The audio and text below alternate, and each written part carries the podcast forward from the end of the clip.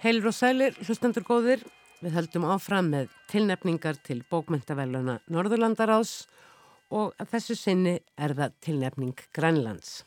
Áhugaverð bók, kvítu, hlaupaskórnir, sögur og ljóð eftir kornungan grænlenskan höfund í síðari hluta þáttar.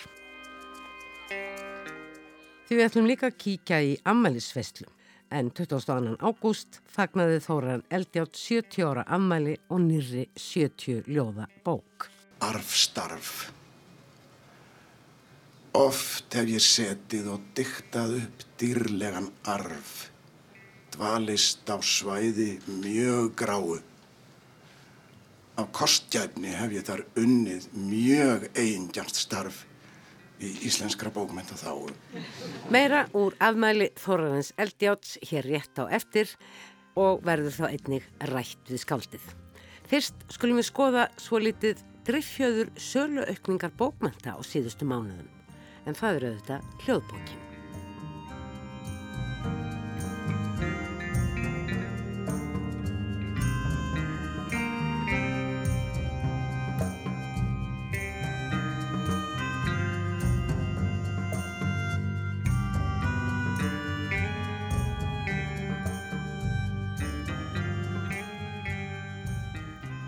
Í vikunum vöktu frettir bæði af innlendum og erlendum vettfangi aðtigli á uppgangi hljóðbókarinnar hér á landi sem annar staðar. Í frettum hér á landi var frá því greint að sala og bókum hefðu aukist til muna á þessu ári. Það sem einnig kom í ljós var að aukningin fjall saman við stór aukið aðgengi að bókmyndaverkum í gegnum streymi til að hlusta á og oftar og oftar heyrir maður fólk segja að það hefði ymmit verið að hlusta á þessa eða hýna bókina nýverið. Ætlaði að hafi ekki verið sendt á síðasta árið að fyrirtæki Storytel komið trökki inn á þennan markað hér á Íslandi. Storytel var upphálega stopnað í Svíþjóð fyrir 14 árum og ennú starfandi í fjölmörgum löndum víða um heim, meðal annars á Íslandi, þar sem hægt er að streyma eins mörgum bókum og vill í áskrift fyrir 2790 krónur og hefur þessi aðferð sannarlega slegið í gegn. Stærsta bókaforlalandsins forlæð fór þá líka fljótlega að bæta í frambóð sitt og aðgengjaði hljóðbókum og þar á bæ er bóðið upp á mikið úrval hljóðbóka í streymi og er áskriftin kannski svo lítið ódýrarið en þó áþekk að verði. Fólk hefur auðvitað gegnum tíðina gerðnar láti lesa fyrir sig og framhaldsögur í útvarpi voru afar vinsælt dagskrárefni í marga áratýi og eru að sínuleiti enn þótt ekki sé lesiðins mikið af sögum og áður. Með nýri tækni eru höfu sögurnar hins vegar aðgengilegri og hægt að ná í þær í hlaðvarpi gegnum smáforritið RÚF-appið. Rás 1 tekur þannig með sínum hætti þátt í hljóðbóka væðingu bókmentana líkt og áðurnemd fyrirtæki þótt úrvalið hjá RÚF sé kannski svo litið minna. Í februar síðastliðum var á þessum vettfangi rætt við Stefán Hjörleifsson, framkvæmdastjóra Storytel á Íslandi um hljóðbókarstreymi og var hann þá þegar afar ánaður með þær viðtökur sem íslenskir bókmyndaunendur hefðu sínt þessu nýja stór framtæki. Í því samtali saði Stefán einni að fari var að huga að ímiskonar þróun á þessum vettfangi meðal annars að framleiða, ef svo má varði komast, bókmyndir sem henda þessari tækni. Við ætlum að gera tilurna með þetta á, á þessu ári E, þetta kemur til vegna þess að hljóðbókaformið er eðlu sínu svolítið öðruvísi. Við erum með óbáslega mikið af, af nýjum hlustendum. 25% viðskiptafinnur okkar er fólk sem hefur aldrei lesið bækur og það hefur kannski frekar verið að horfa á sjónvarsefni eða hlusta á podcast eða, eða eitthvað slíkt. Þannig að við og, erum að bæði að gera þessa tilraunir með að gefa út fyrst á hljóðbókaformatinu og ef, ef það gengur vel að þá gefa þær jafnvel út sem prentaða bækur í, í kjölfarið að snúa aðeins þróunni við.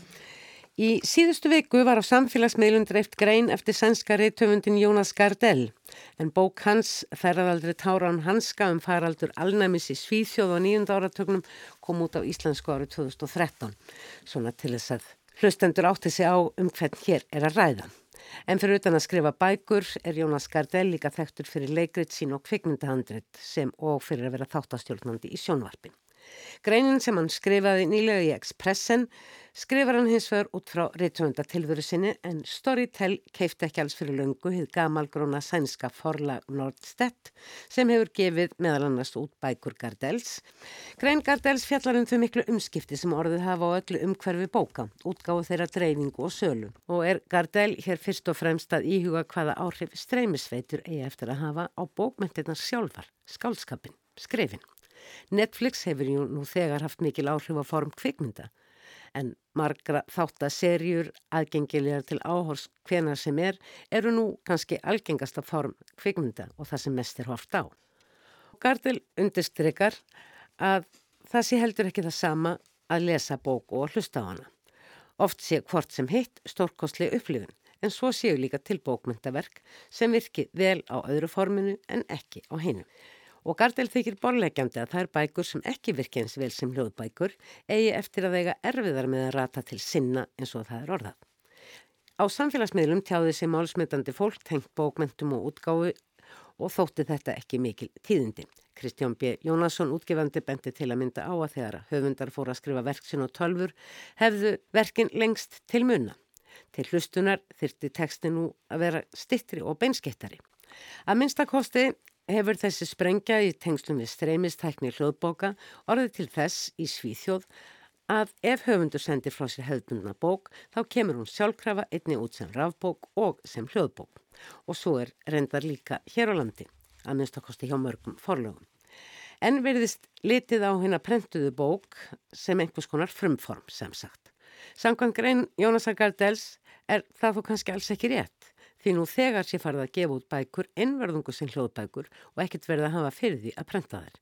Ég sló á þráðin til Stefáns Hjörleifssonar, framkvæmda stjóra Storytel og spurði hvort að væri komin reynsla á það að fá höfunda til að skrifa sérstaklega fyrir streymisútgáð. Já, þetta er samanlega byrjað í Skandinavíu og e, við erum svona aðeins að drefa okkur áfram með þetta hérna á Íslandi.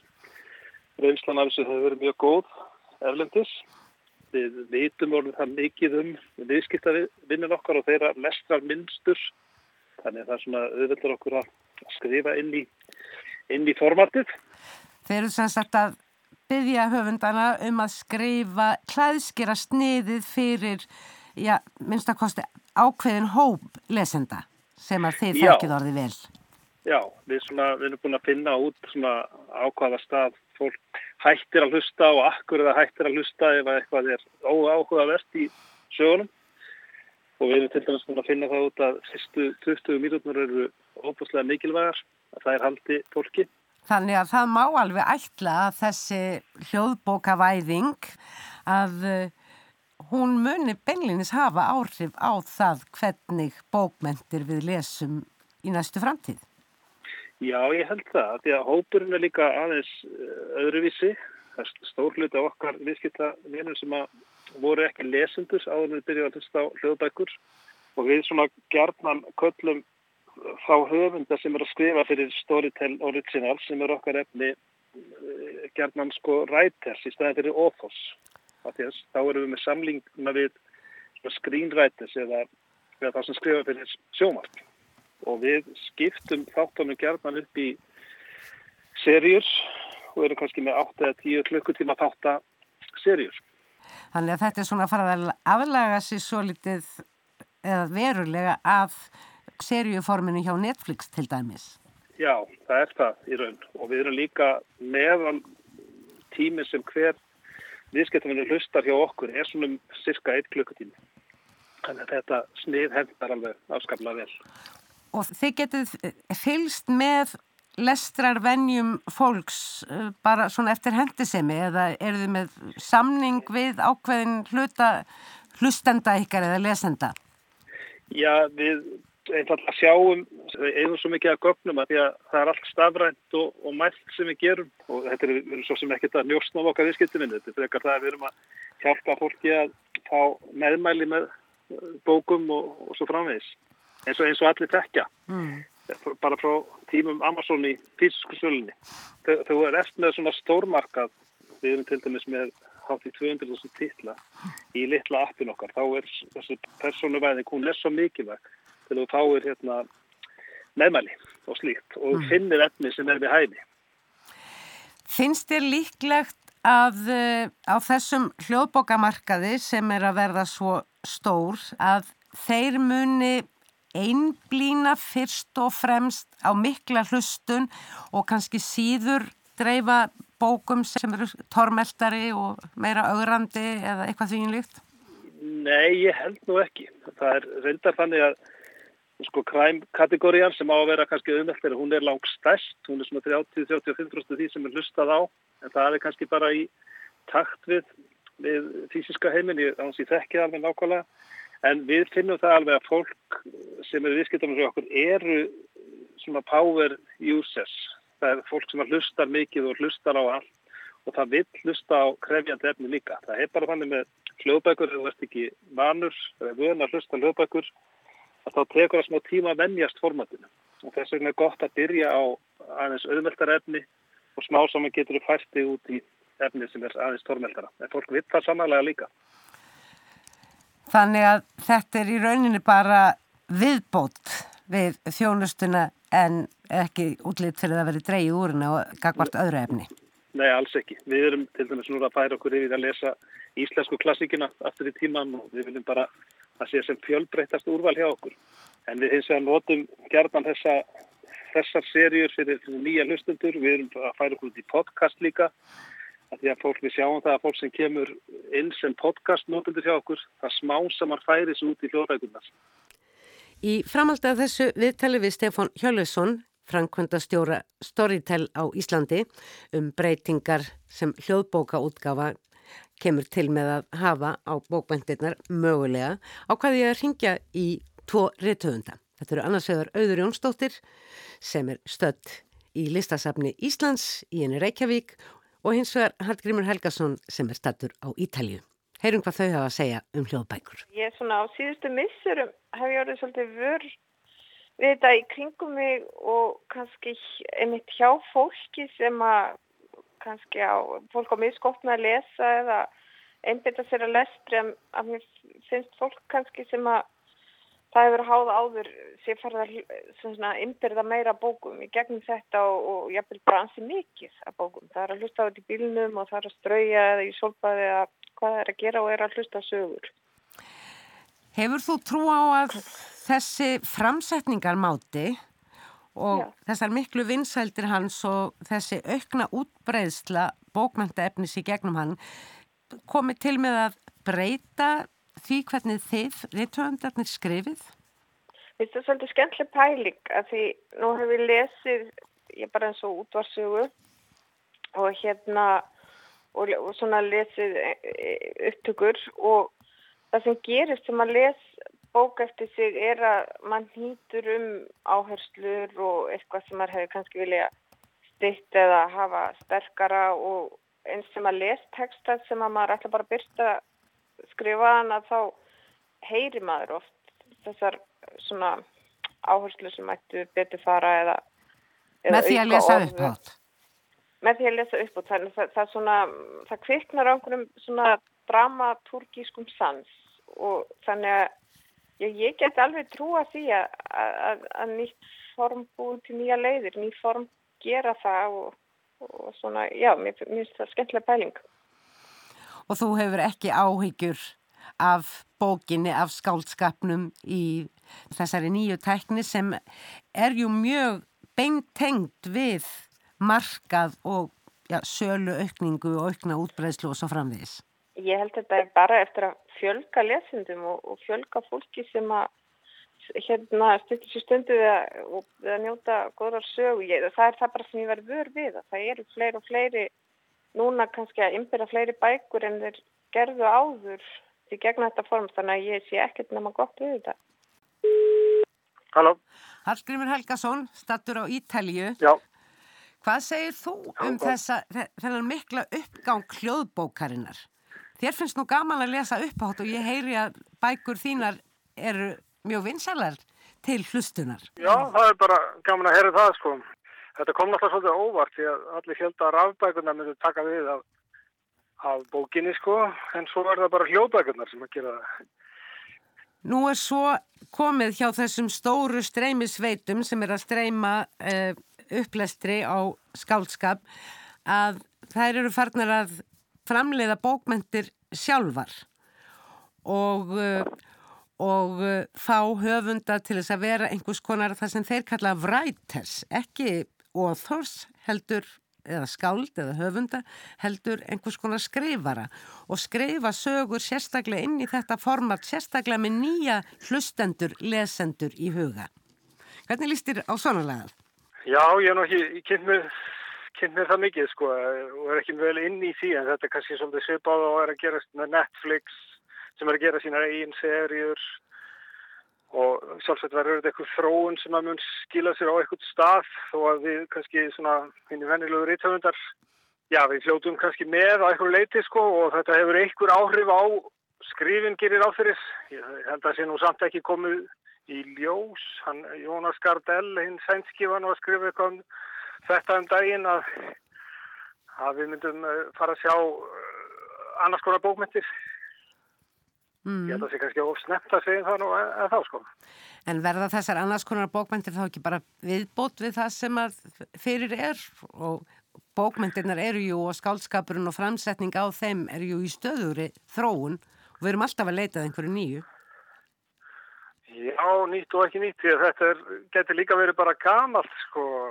Þetta getur verið meiri áttið íslendingasóðunar sem eru kannski flestar sprotnar úr munlegri hefð og, og, voru lesnar upp átt í öldum saman og formað, formið þróaðist þannig að menn voruð mjög gagnorðir og, og hugsaðu mikið um að halda sögurþræðinu gangandi.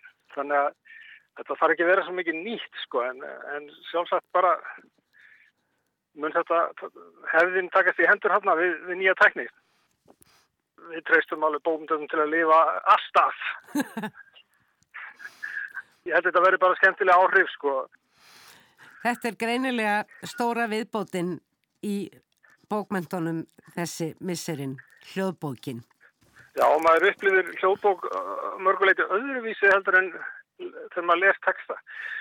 Fyrsta hljóðbókin sem ég hlust áhverju fyrir tíu árum var hérna Slaughterhouse 5 eftir Vonnegut og mér finnst ég ennþá vera með hann í blóðinu. Þetta var eins og ég sko ekki fengið hana sem hljóðbók heldur bara í æð sem spröytu. Þetta er svona öðruvísi upplöfun. Mm, en mér langar samt svona að minnast á að það er eitt vandamál í sambandi við hljóðbókamarkaðin heima og það er hljóðbókasafnið. Og það er eiginlega passist tíma og tímatir hafa breyst og það ætti rauninni bara að fara að breyta því eða leggja það hreinlega niður því að þetta er uh, mjög mikið misnótað. Ég tók eftir í síðustu jóla, það var ansi margi sem höfðu stólist þarna inn á þess að vera nokkuð uh, blindir eða sjónskertir eða, eða með hamlaða getu á þessu sviði. Hljóðbóðsafni hefur rétt á því að taka hvaða bók sem er, láta lesa hann inn og setja hann í umferð. Útgefandi fær ekkert og höfundurinn ekki neitt og þetta er ekki gott kerfi. Núna þegar hljóðbóka bransin er að vaksa á grassi þá er úrvalið svo miklu meira og það væri kannski hægt að leysa þetta með því að gefa blindum og sjónskertum bara, bara afslátt á hljóðbókum eða, eða fría hljóðbækur með eitthvað sérstöku korti. Mm. Það verður eitthvað neginn að leysa þetta. Ég satt nú í stjórn reytöfundarsambansins fjögur ár en, en það var eitthvað fyrirstöða þar okkur tókst aldrei að leysa þetta. En þetta er verkefni held ég sem bara ráðunöyti verður að taka að sér og alþingi. Ný tekni, nýjir markaðsmöguleikar eins og hljóðbókin hefur sínt sig vera, hefur áhrif á ímsa þætti í skipurlægin eins og það hafði verið fram að því. Bara góð tíðindi sko og rauninni getur maður fagnar því að einhverju markaðsmenn sjáu sér hagi þessu. Allt sem stöðlar að því að bókmettir komist til skila til fólks er af henni góða. Það er að minnstakosti spennandi að fylgjast með hvernig bókmentirnar og hverskins útgáfu tækni eiga eftir að þróast í gagkvæmum leik á næstu árum.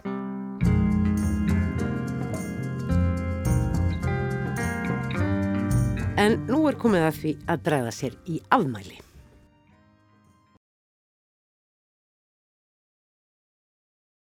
Ok, það er kvögt. Þetta á að vera... Já, takk kærlega fyrir og gaman að sjá okkur hérna öll. Um, það er sem sagt þessi litla bók, uh, ljóðabók eða vísna hver sem kemur út í dag og svona til að tengjast ammælinu dáltið þá endaði ég með því að hafa 70 erindi eða vísur, uh, limurur, ferskjettlur og hverskins svona spög eins og ég kalla það stundum í þessari bók.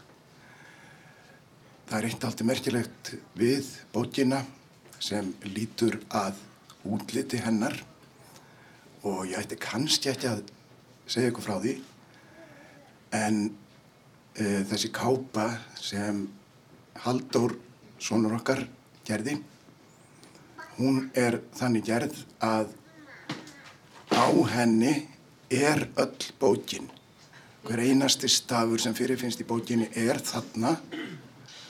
Og þeir sem eru bara nógu læsir eða nógu góðir í djúb læsi eða close reading eins og það var kallað í bókmyndafræðin í kannadaga þeir þurfu ekkert að kaupa hana, þeir geta bara komið í búð og ringt í hana og þá er ekki bara lesið lárétt og loðrétt heldur líka á djúpið inn í bókinu og onni hana. En Haldur hefur sagt það að þessi kápa hún er líka hugsuð þannig að það er sagt oft að það eigi ekki að dæma bækur eftir kápunni en það er einmitt það sem má gera með þessa bók. Það má dæma hann af kápunni af því að hún er utan á sjálfri sér. E, ég ætla að vinda mér í að lesa dálítið úr þessari bók. Ég ætla að vera svona tiltölulega líðræðislegur þannig ég ætla að lesa dálítið að byrjunni, stinga mér svo aðeins svona í miðjuna og taka svo endinn. Fyrstu vísurnar ymsar þær fjalla allar um það að yrkja eða að vera að þessu yfirleitt. Og fyrst er hér að yrkja. Vel fellir mér vinnan, vaksa myndir strammans. Ég uni mér best innan óþægenda rammans. Næsta heitir Ort. Það er ekkert holdt að yrkja þó einhverji telja það styrkja huga og hönd og háflega önd og vannýttar öðlindir virkja. Djúbalauðin er næst. Það er alltaf verið að tala um það sem einhverja sérstaklega hetjut á það að fara í djúbulauðina. Þetta er einn af þessum frösum sem allstaðar eru en ég tel að það sé engin sérstök digð eða sérstaklega lofsvert að stinga sér í djúbalaug. Í djúbalaug að dýfa sér, dyrfska lítil þykir mér. Í stærri háska stefna þau sem stinga sér í grunnalaug.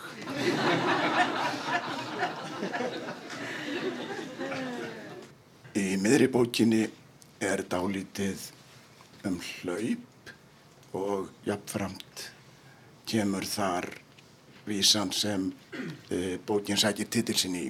Fyrst er hér innhlaup. Þegar mér skortir þrek af þreitu í rúmið ég leg.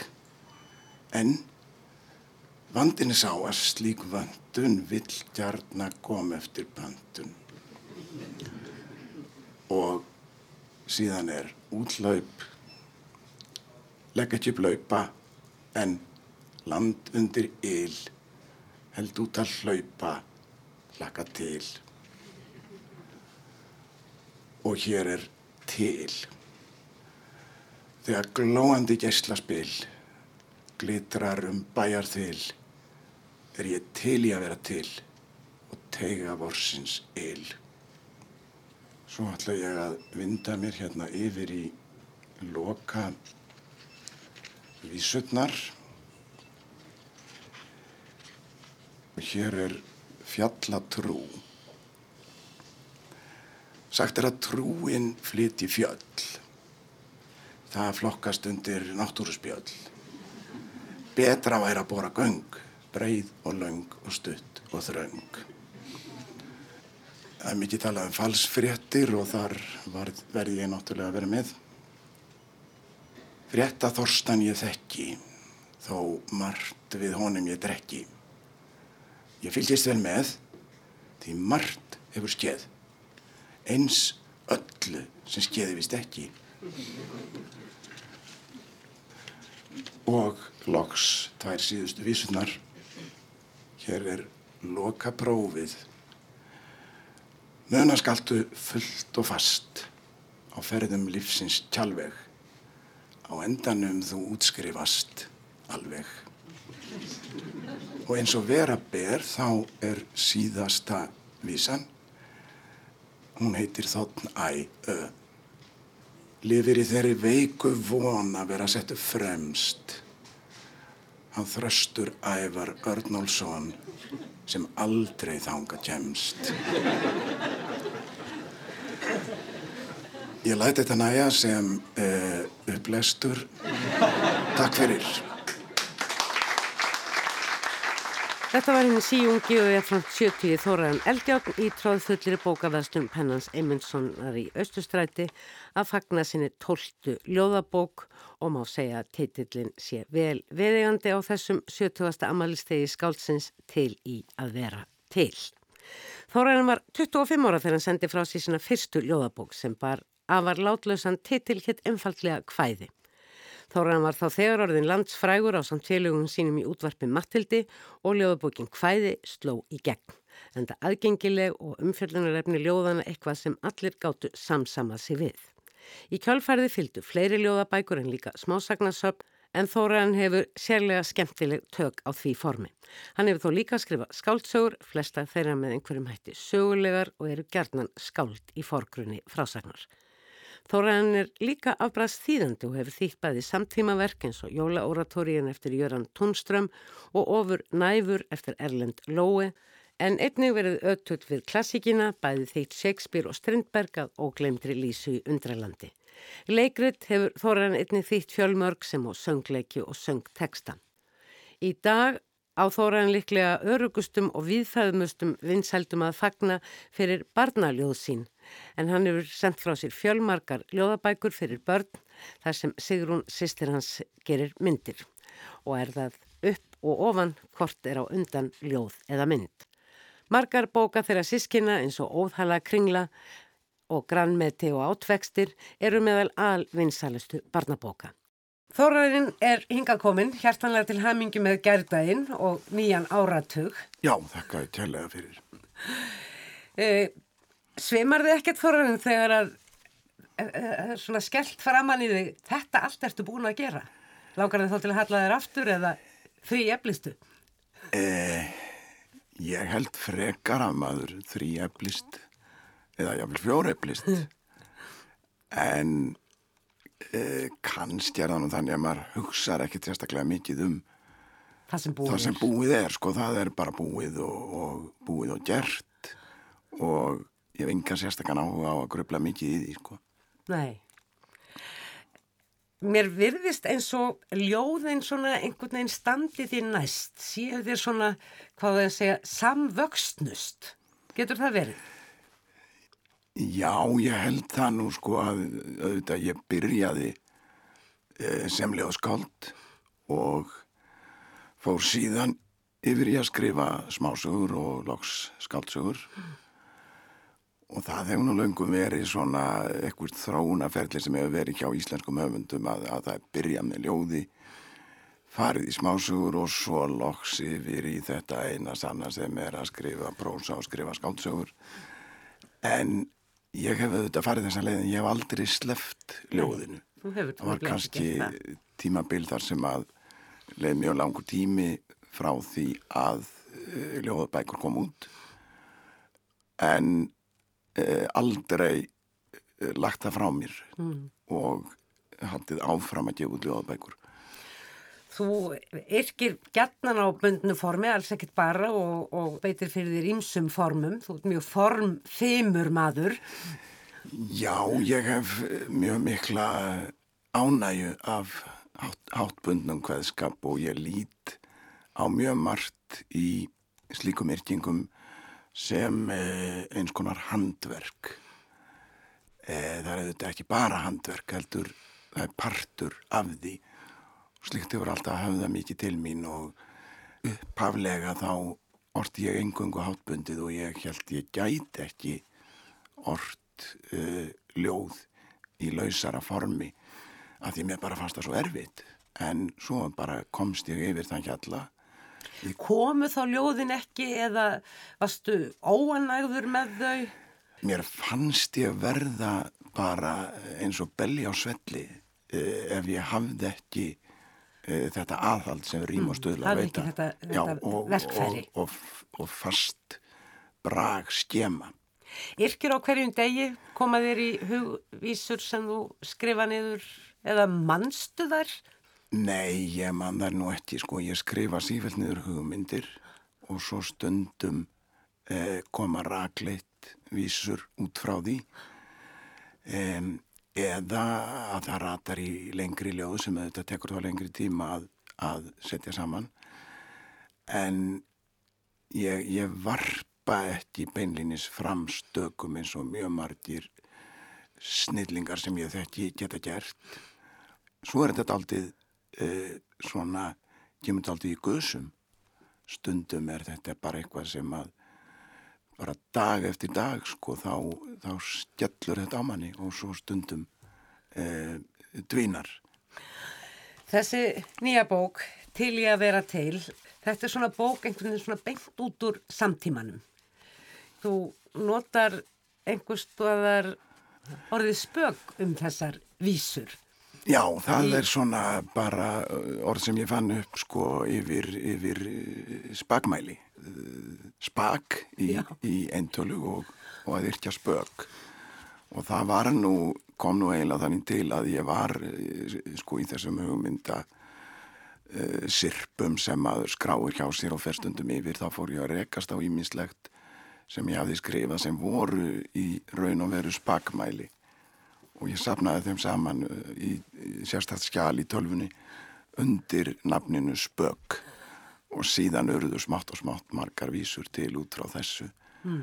ekki síst í bók sem ég gáð 2010 og heitir Vísnafíst sem er aldrei skild þessari sko, mm. þetta er hmm. það sama sem er á ferðinu þetta eru stökur uh, eiginlega alltaf eitt erindi stundum einstakarsinnum tvö og þetta eru ferstjætlur og limrur og ymsir e, bragarhættir mm. týndir til og og virðast oft svona hafa kviknað af bara almennru umræðu sem að vantanlega var til þess að mér dætt þetta í hugmynd skopmyndirnar. Hvernig líst þér á það hugmynda?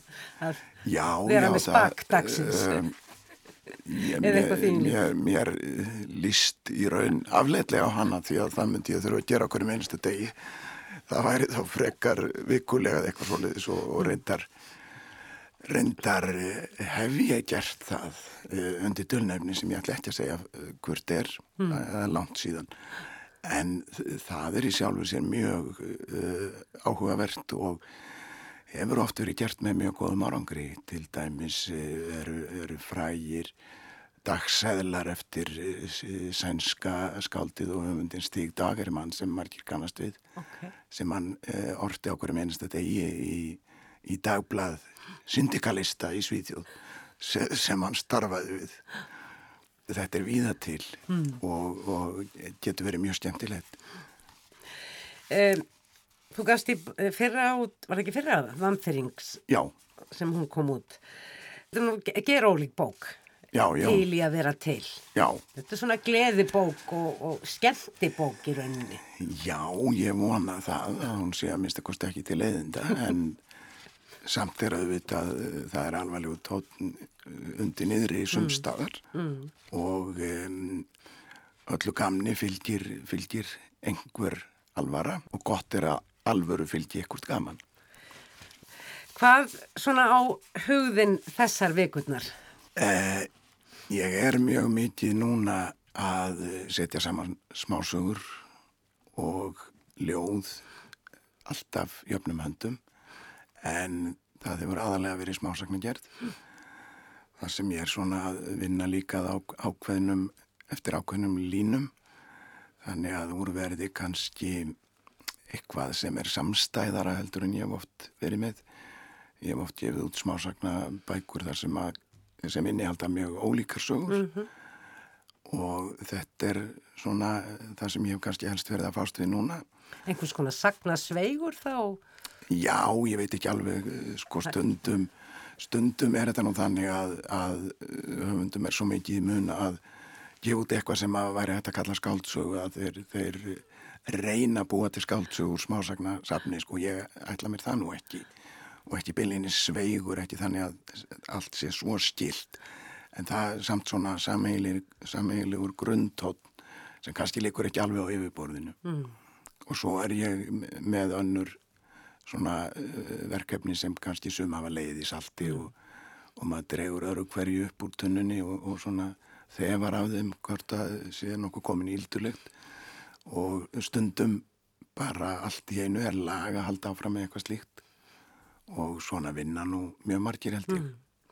Ertu reglusamur verkamæður á skálskaparakrinum? Já, ég er það. Ég um, reyni að, að ganga bara þessu eins og hver annar vinnu. Mm. og um, held að maður nái best árangri með því. Jafnvel þó maður sé að skrifa eitthvað sem að maður sjálfur er alveg samferður um að sé alveg hrikalega lélegt. E, þá er um að gera að kasta því ekki frá sér heldur bara að halda áfram. Geima það í nokkra daga og þá er það alltaf skára heldur um að hjælta þegar maður mm. kíkir á það. Þetta er svona mín reynsla Veistu yfirleitt á mótnana þegar þú gengur að skrifa orðinu hvað þú ert að fara að gera? Í hverju þú ert að fara að vinna? Það er dálítið misjámt. Eh, það fer allt eftir eh, hvar verkefni eru stödd ef þau eru farin að nálgast loka stig eða svona ég tel mig vita nákvæmlega hvernig allt ætlar að verða að ég tel nú ekki um ef það eru þýðingaverkefni sem eru í raun annars eðlis maður gengur meira þeim svona eins og skrifstofuvinnu mm. Um, en Stundum er það ekki, þá bara byrja ég að skoða eitt og þetta sem ég hef, hef svona króta niður og festist allt í henni í einhverju, allt í henni verður eitthvað meir úr því. Nú og svo er náttúrulega líka að lestur er afskaplega mikilvægur fyrir höfunda. Skrifunum. Já, það er skrifunum og e, maður á ekki að, að gangast inn á það að, að það að lesa sé ekki líka vinna þegar maður er í þessum bransa. Hvað er það að lesa núna?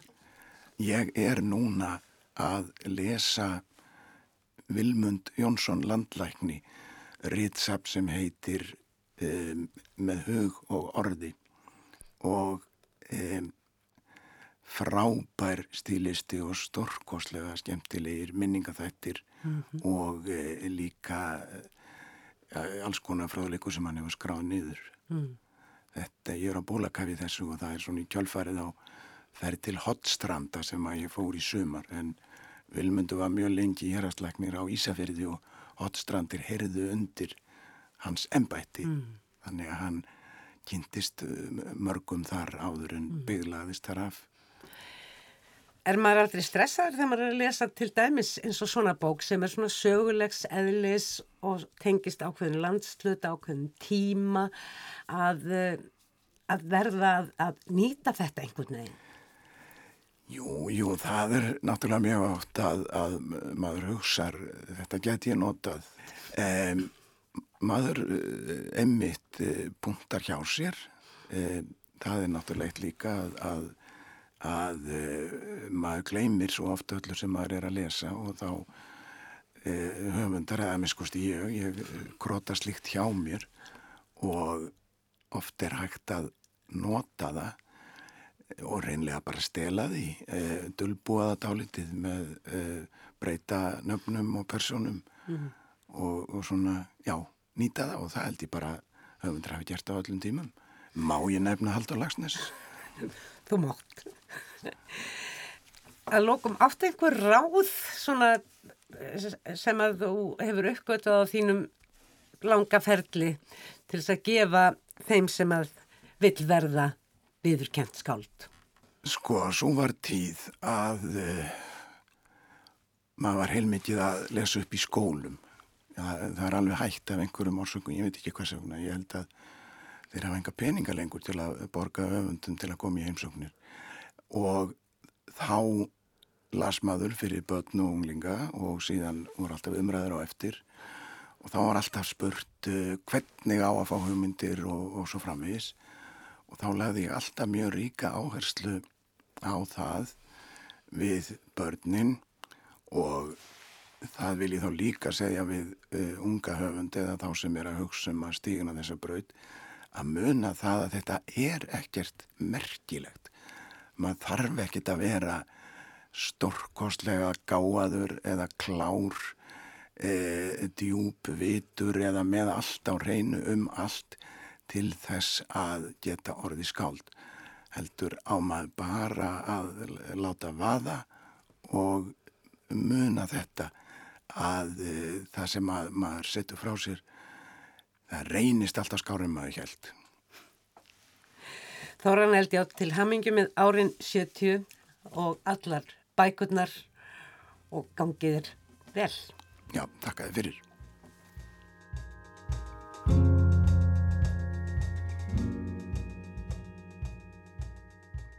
Á þessum árum, 15 pluss mínus, sem ég hef fylst með tilnefningum til bókmæntavælunar Norðurlandaráðs, hafa það ekki síst verið verkinn sem koma utan á jæðrinum sem hafa vakið áhuga minn.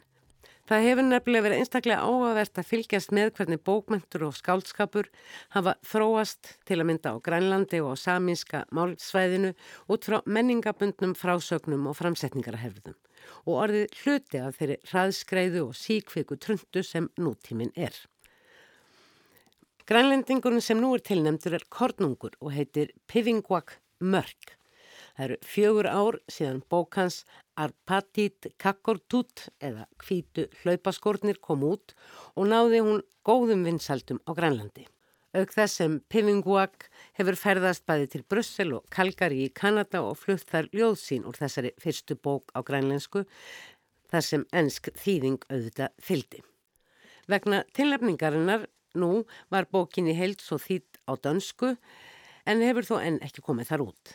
Hér er á ferðinni 14 ljóð og nýju smásögur þar sem tilvistalegur hugleðingar eru undirlikjandi í frásögnum af daglegu lífi sem hverfast hver og einn saga um ákveðin kjarna sem þó er haldið mátulega óræðum. Sögupersonarsagnanum er á ólíkum aldri, flestar þó í yngri kantinum, jafnvel ung börn sem segja frá. Þannig að ætla má að þessar sögur höfði til heilu fjölskyldnana og séu því góðu samræmi við sterka frásagnarhefð grænlendinga þar sem stórfjölskyldan hlustar líkt og í baðstofum Íslendinga fyrir hundrað árum. Það er fyrsta sagabókarinnar sem lærinni titilsinn hvítu hlaupaskornir. Maður hleypur í gegnum þorp eða bæ og upp í fjall, hann hleypur fyrir alla muni, engum þó fyrir konu sína, jafnvel þótt hann finni að líka með hans standi varla undir áreynslunni. Þegar ég hleyp, blada ég í hugsunum í heila mínum og þar sem allar manneskur augljóslega sækjast eftir því góða, er ég þeirra skoðunar að ég sé ekki einnum þetta. Sérstaklega þegar það tengist fjölskyldu minni, því hver vil ekki að hann sé minnst með jákvæðum hætti af sínu nánustu. Þótt ég hafi ekki gert neitt slæmt eins og að beita ofbeldi, þá hef ég logið að sjálfum mér og verið hrettur um að það komist upp um mig. Ég hef látið ósönn orð fara mér um munn og samt heldur maki minn áfram að hlusta og trúa á mig. Mér finnst ennþá vera ofáar blaðsýður eftir í minni lífsins bók og ef mér verður ekki fyrirgefið er vafa samt að ég geti lifað áfram. Þess vegna hef ég aflæst dýrunum að mínum innra manni kyrfilega með likli. Og þar sem ég er nú bara manneskja hefur bæði líka með minn og sál á hverjum degi mikla þörf fyrir að opna þessar dyr. En ég reyni það ekki. Bara af óta. Ég vildi gerna gera það.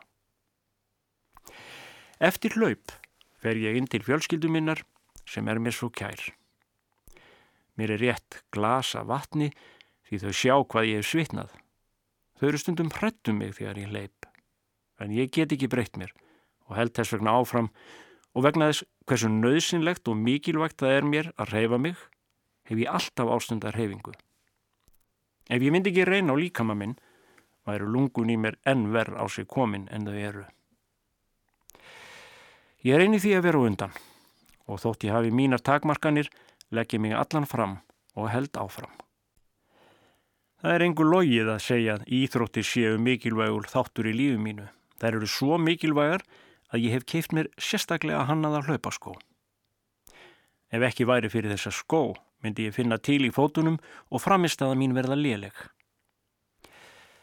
Sjúkdóminn minn er svo krefjandi að ég verða að hlaupa og þótt geta lungna minna sér takmörguð og köpnunar tilfinning heldtaki mig í hvert skipti, þá gefst ég ekki upp og held áfram að hlaupa.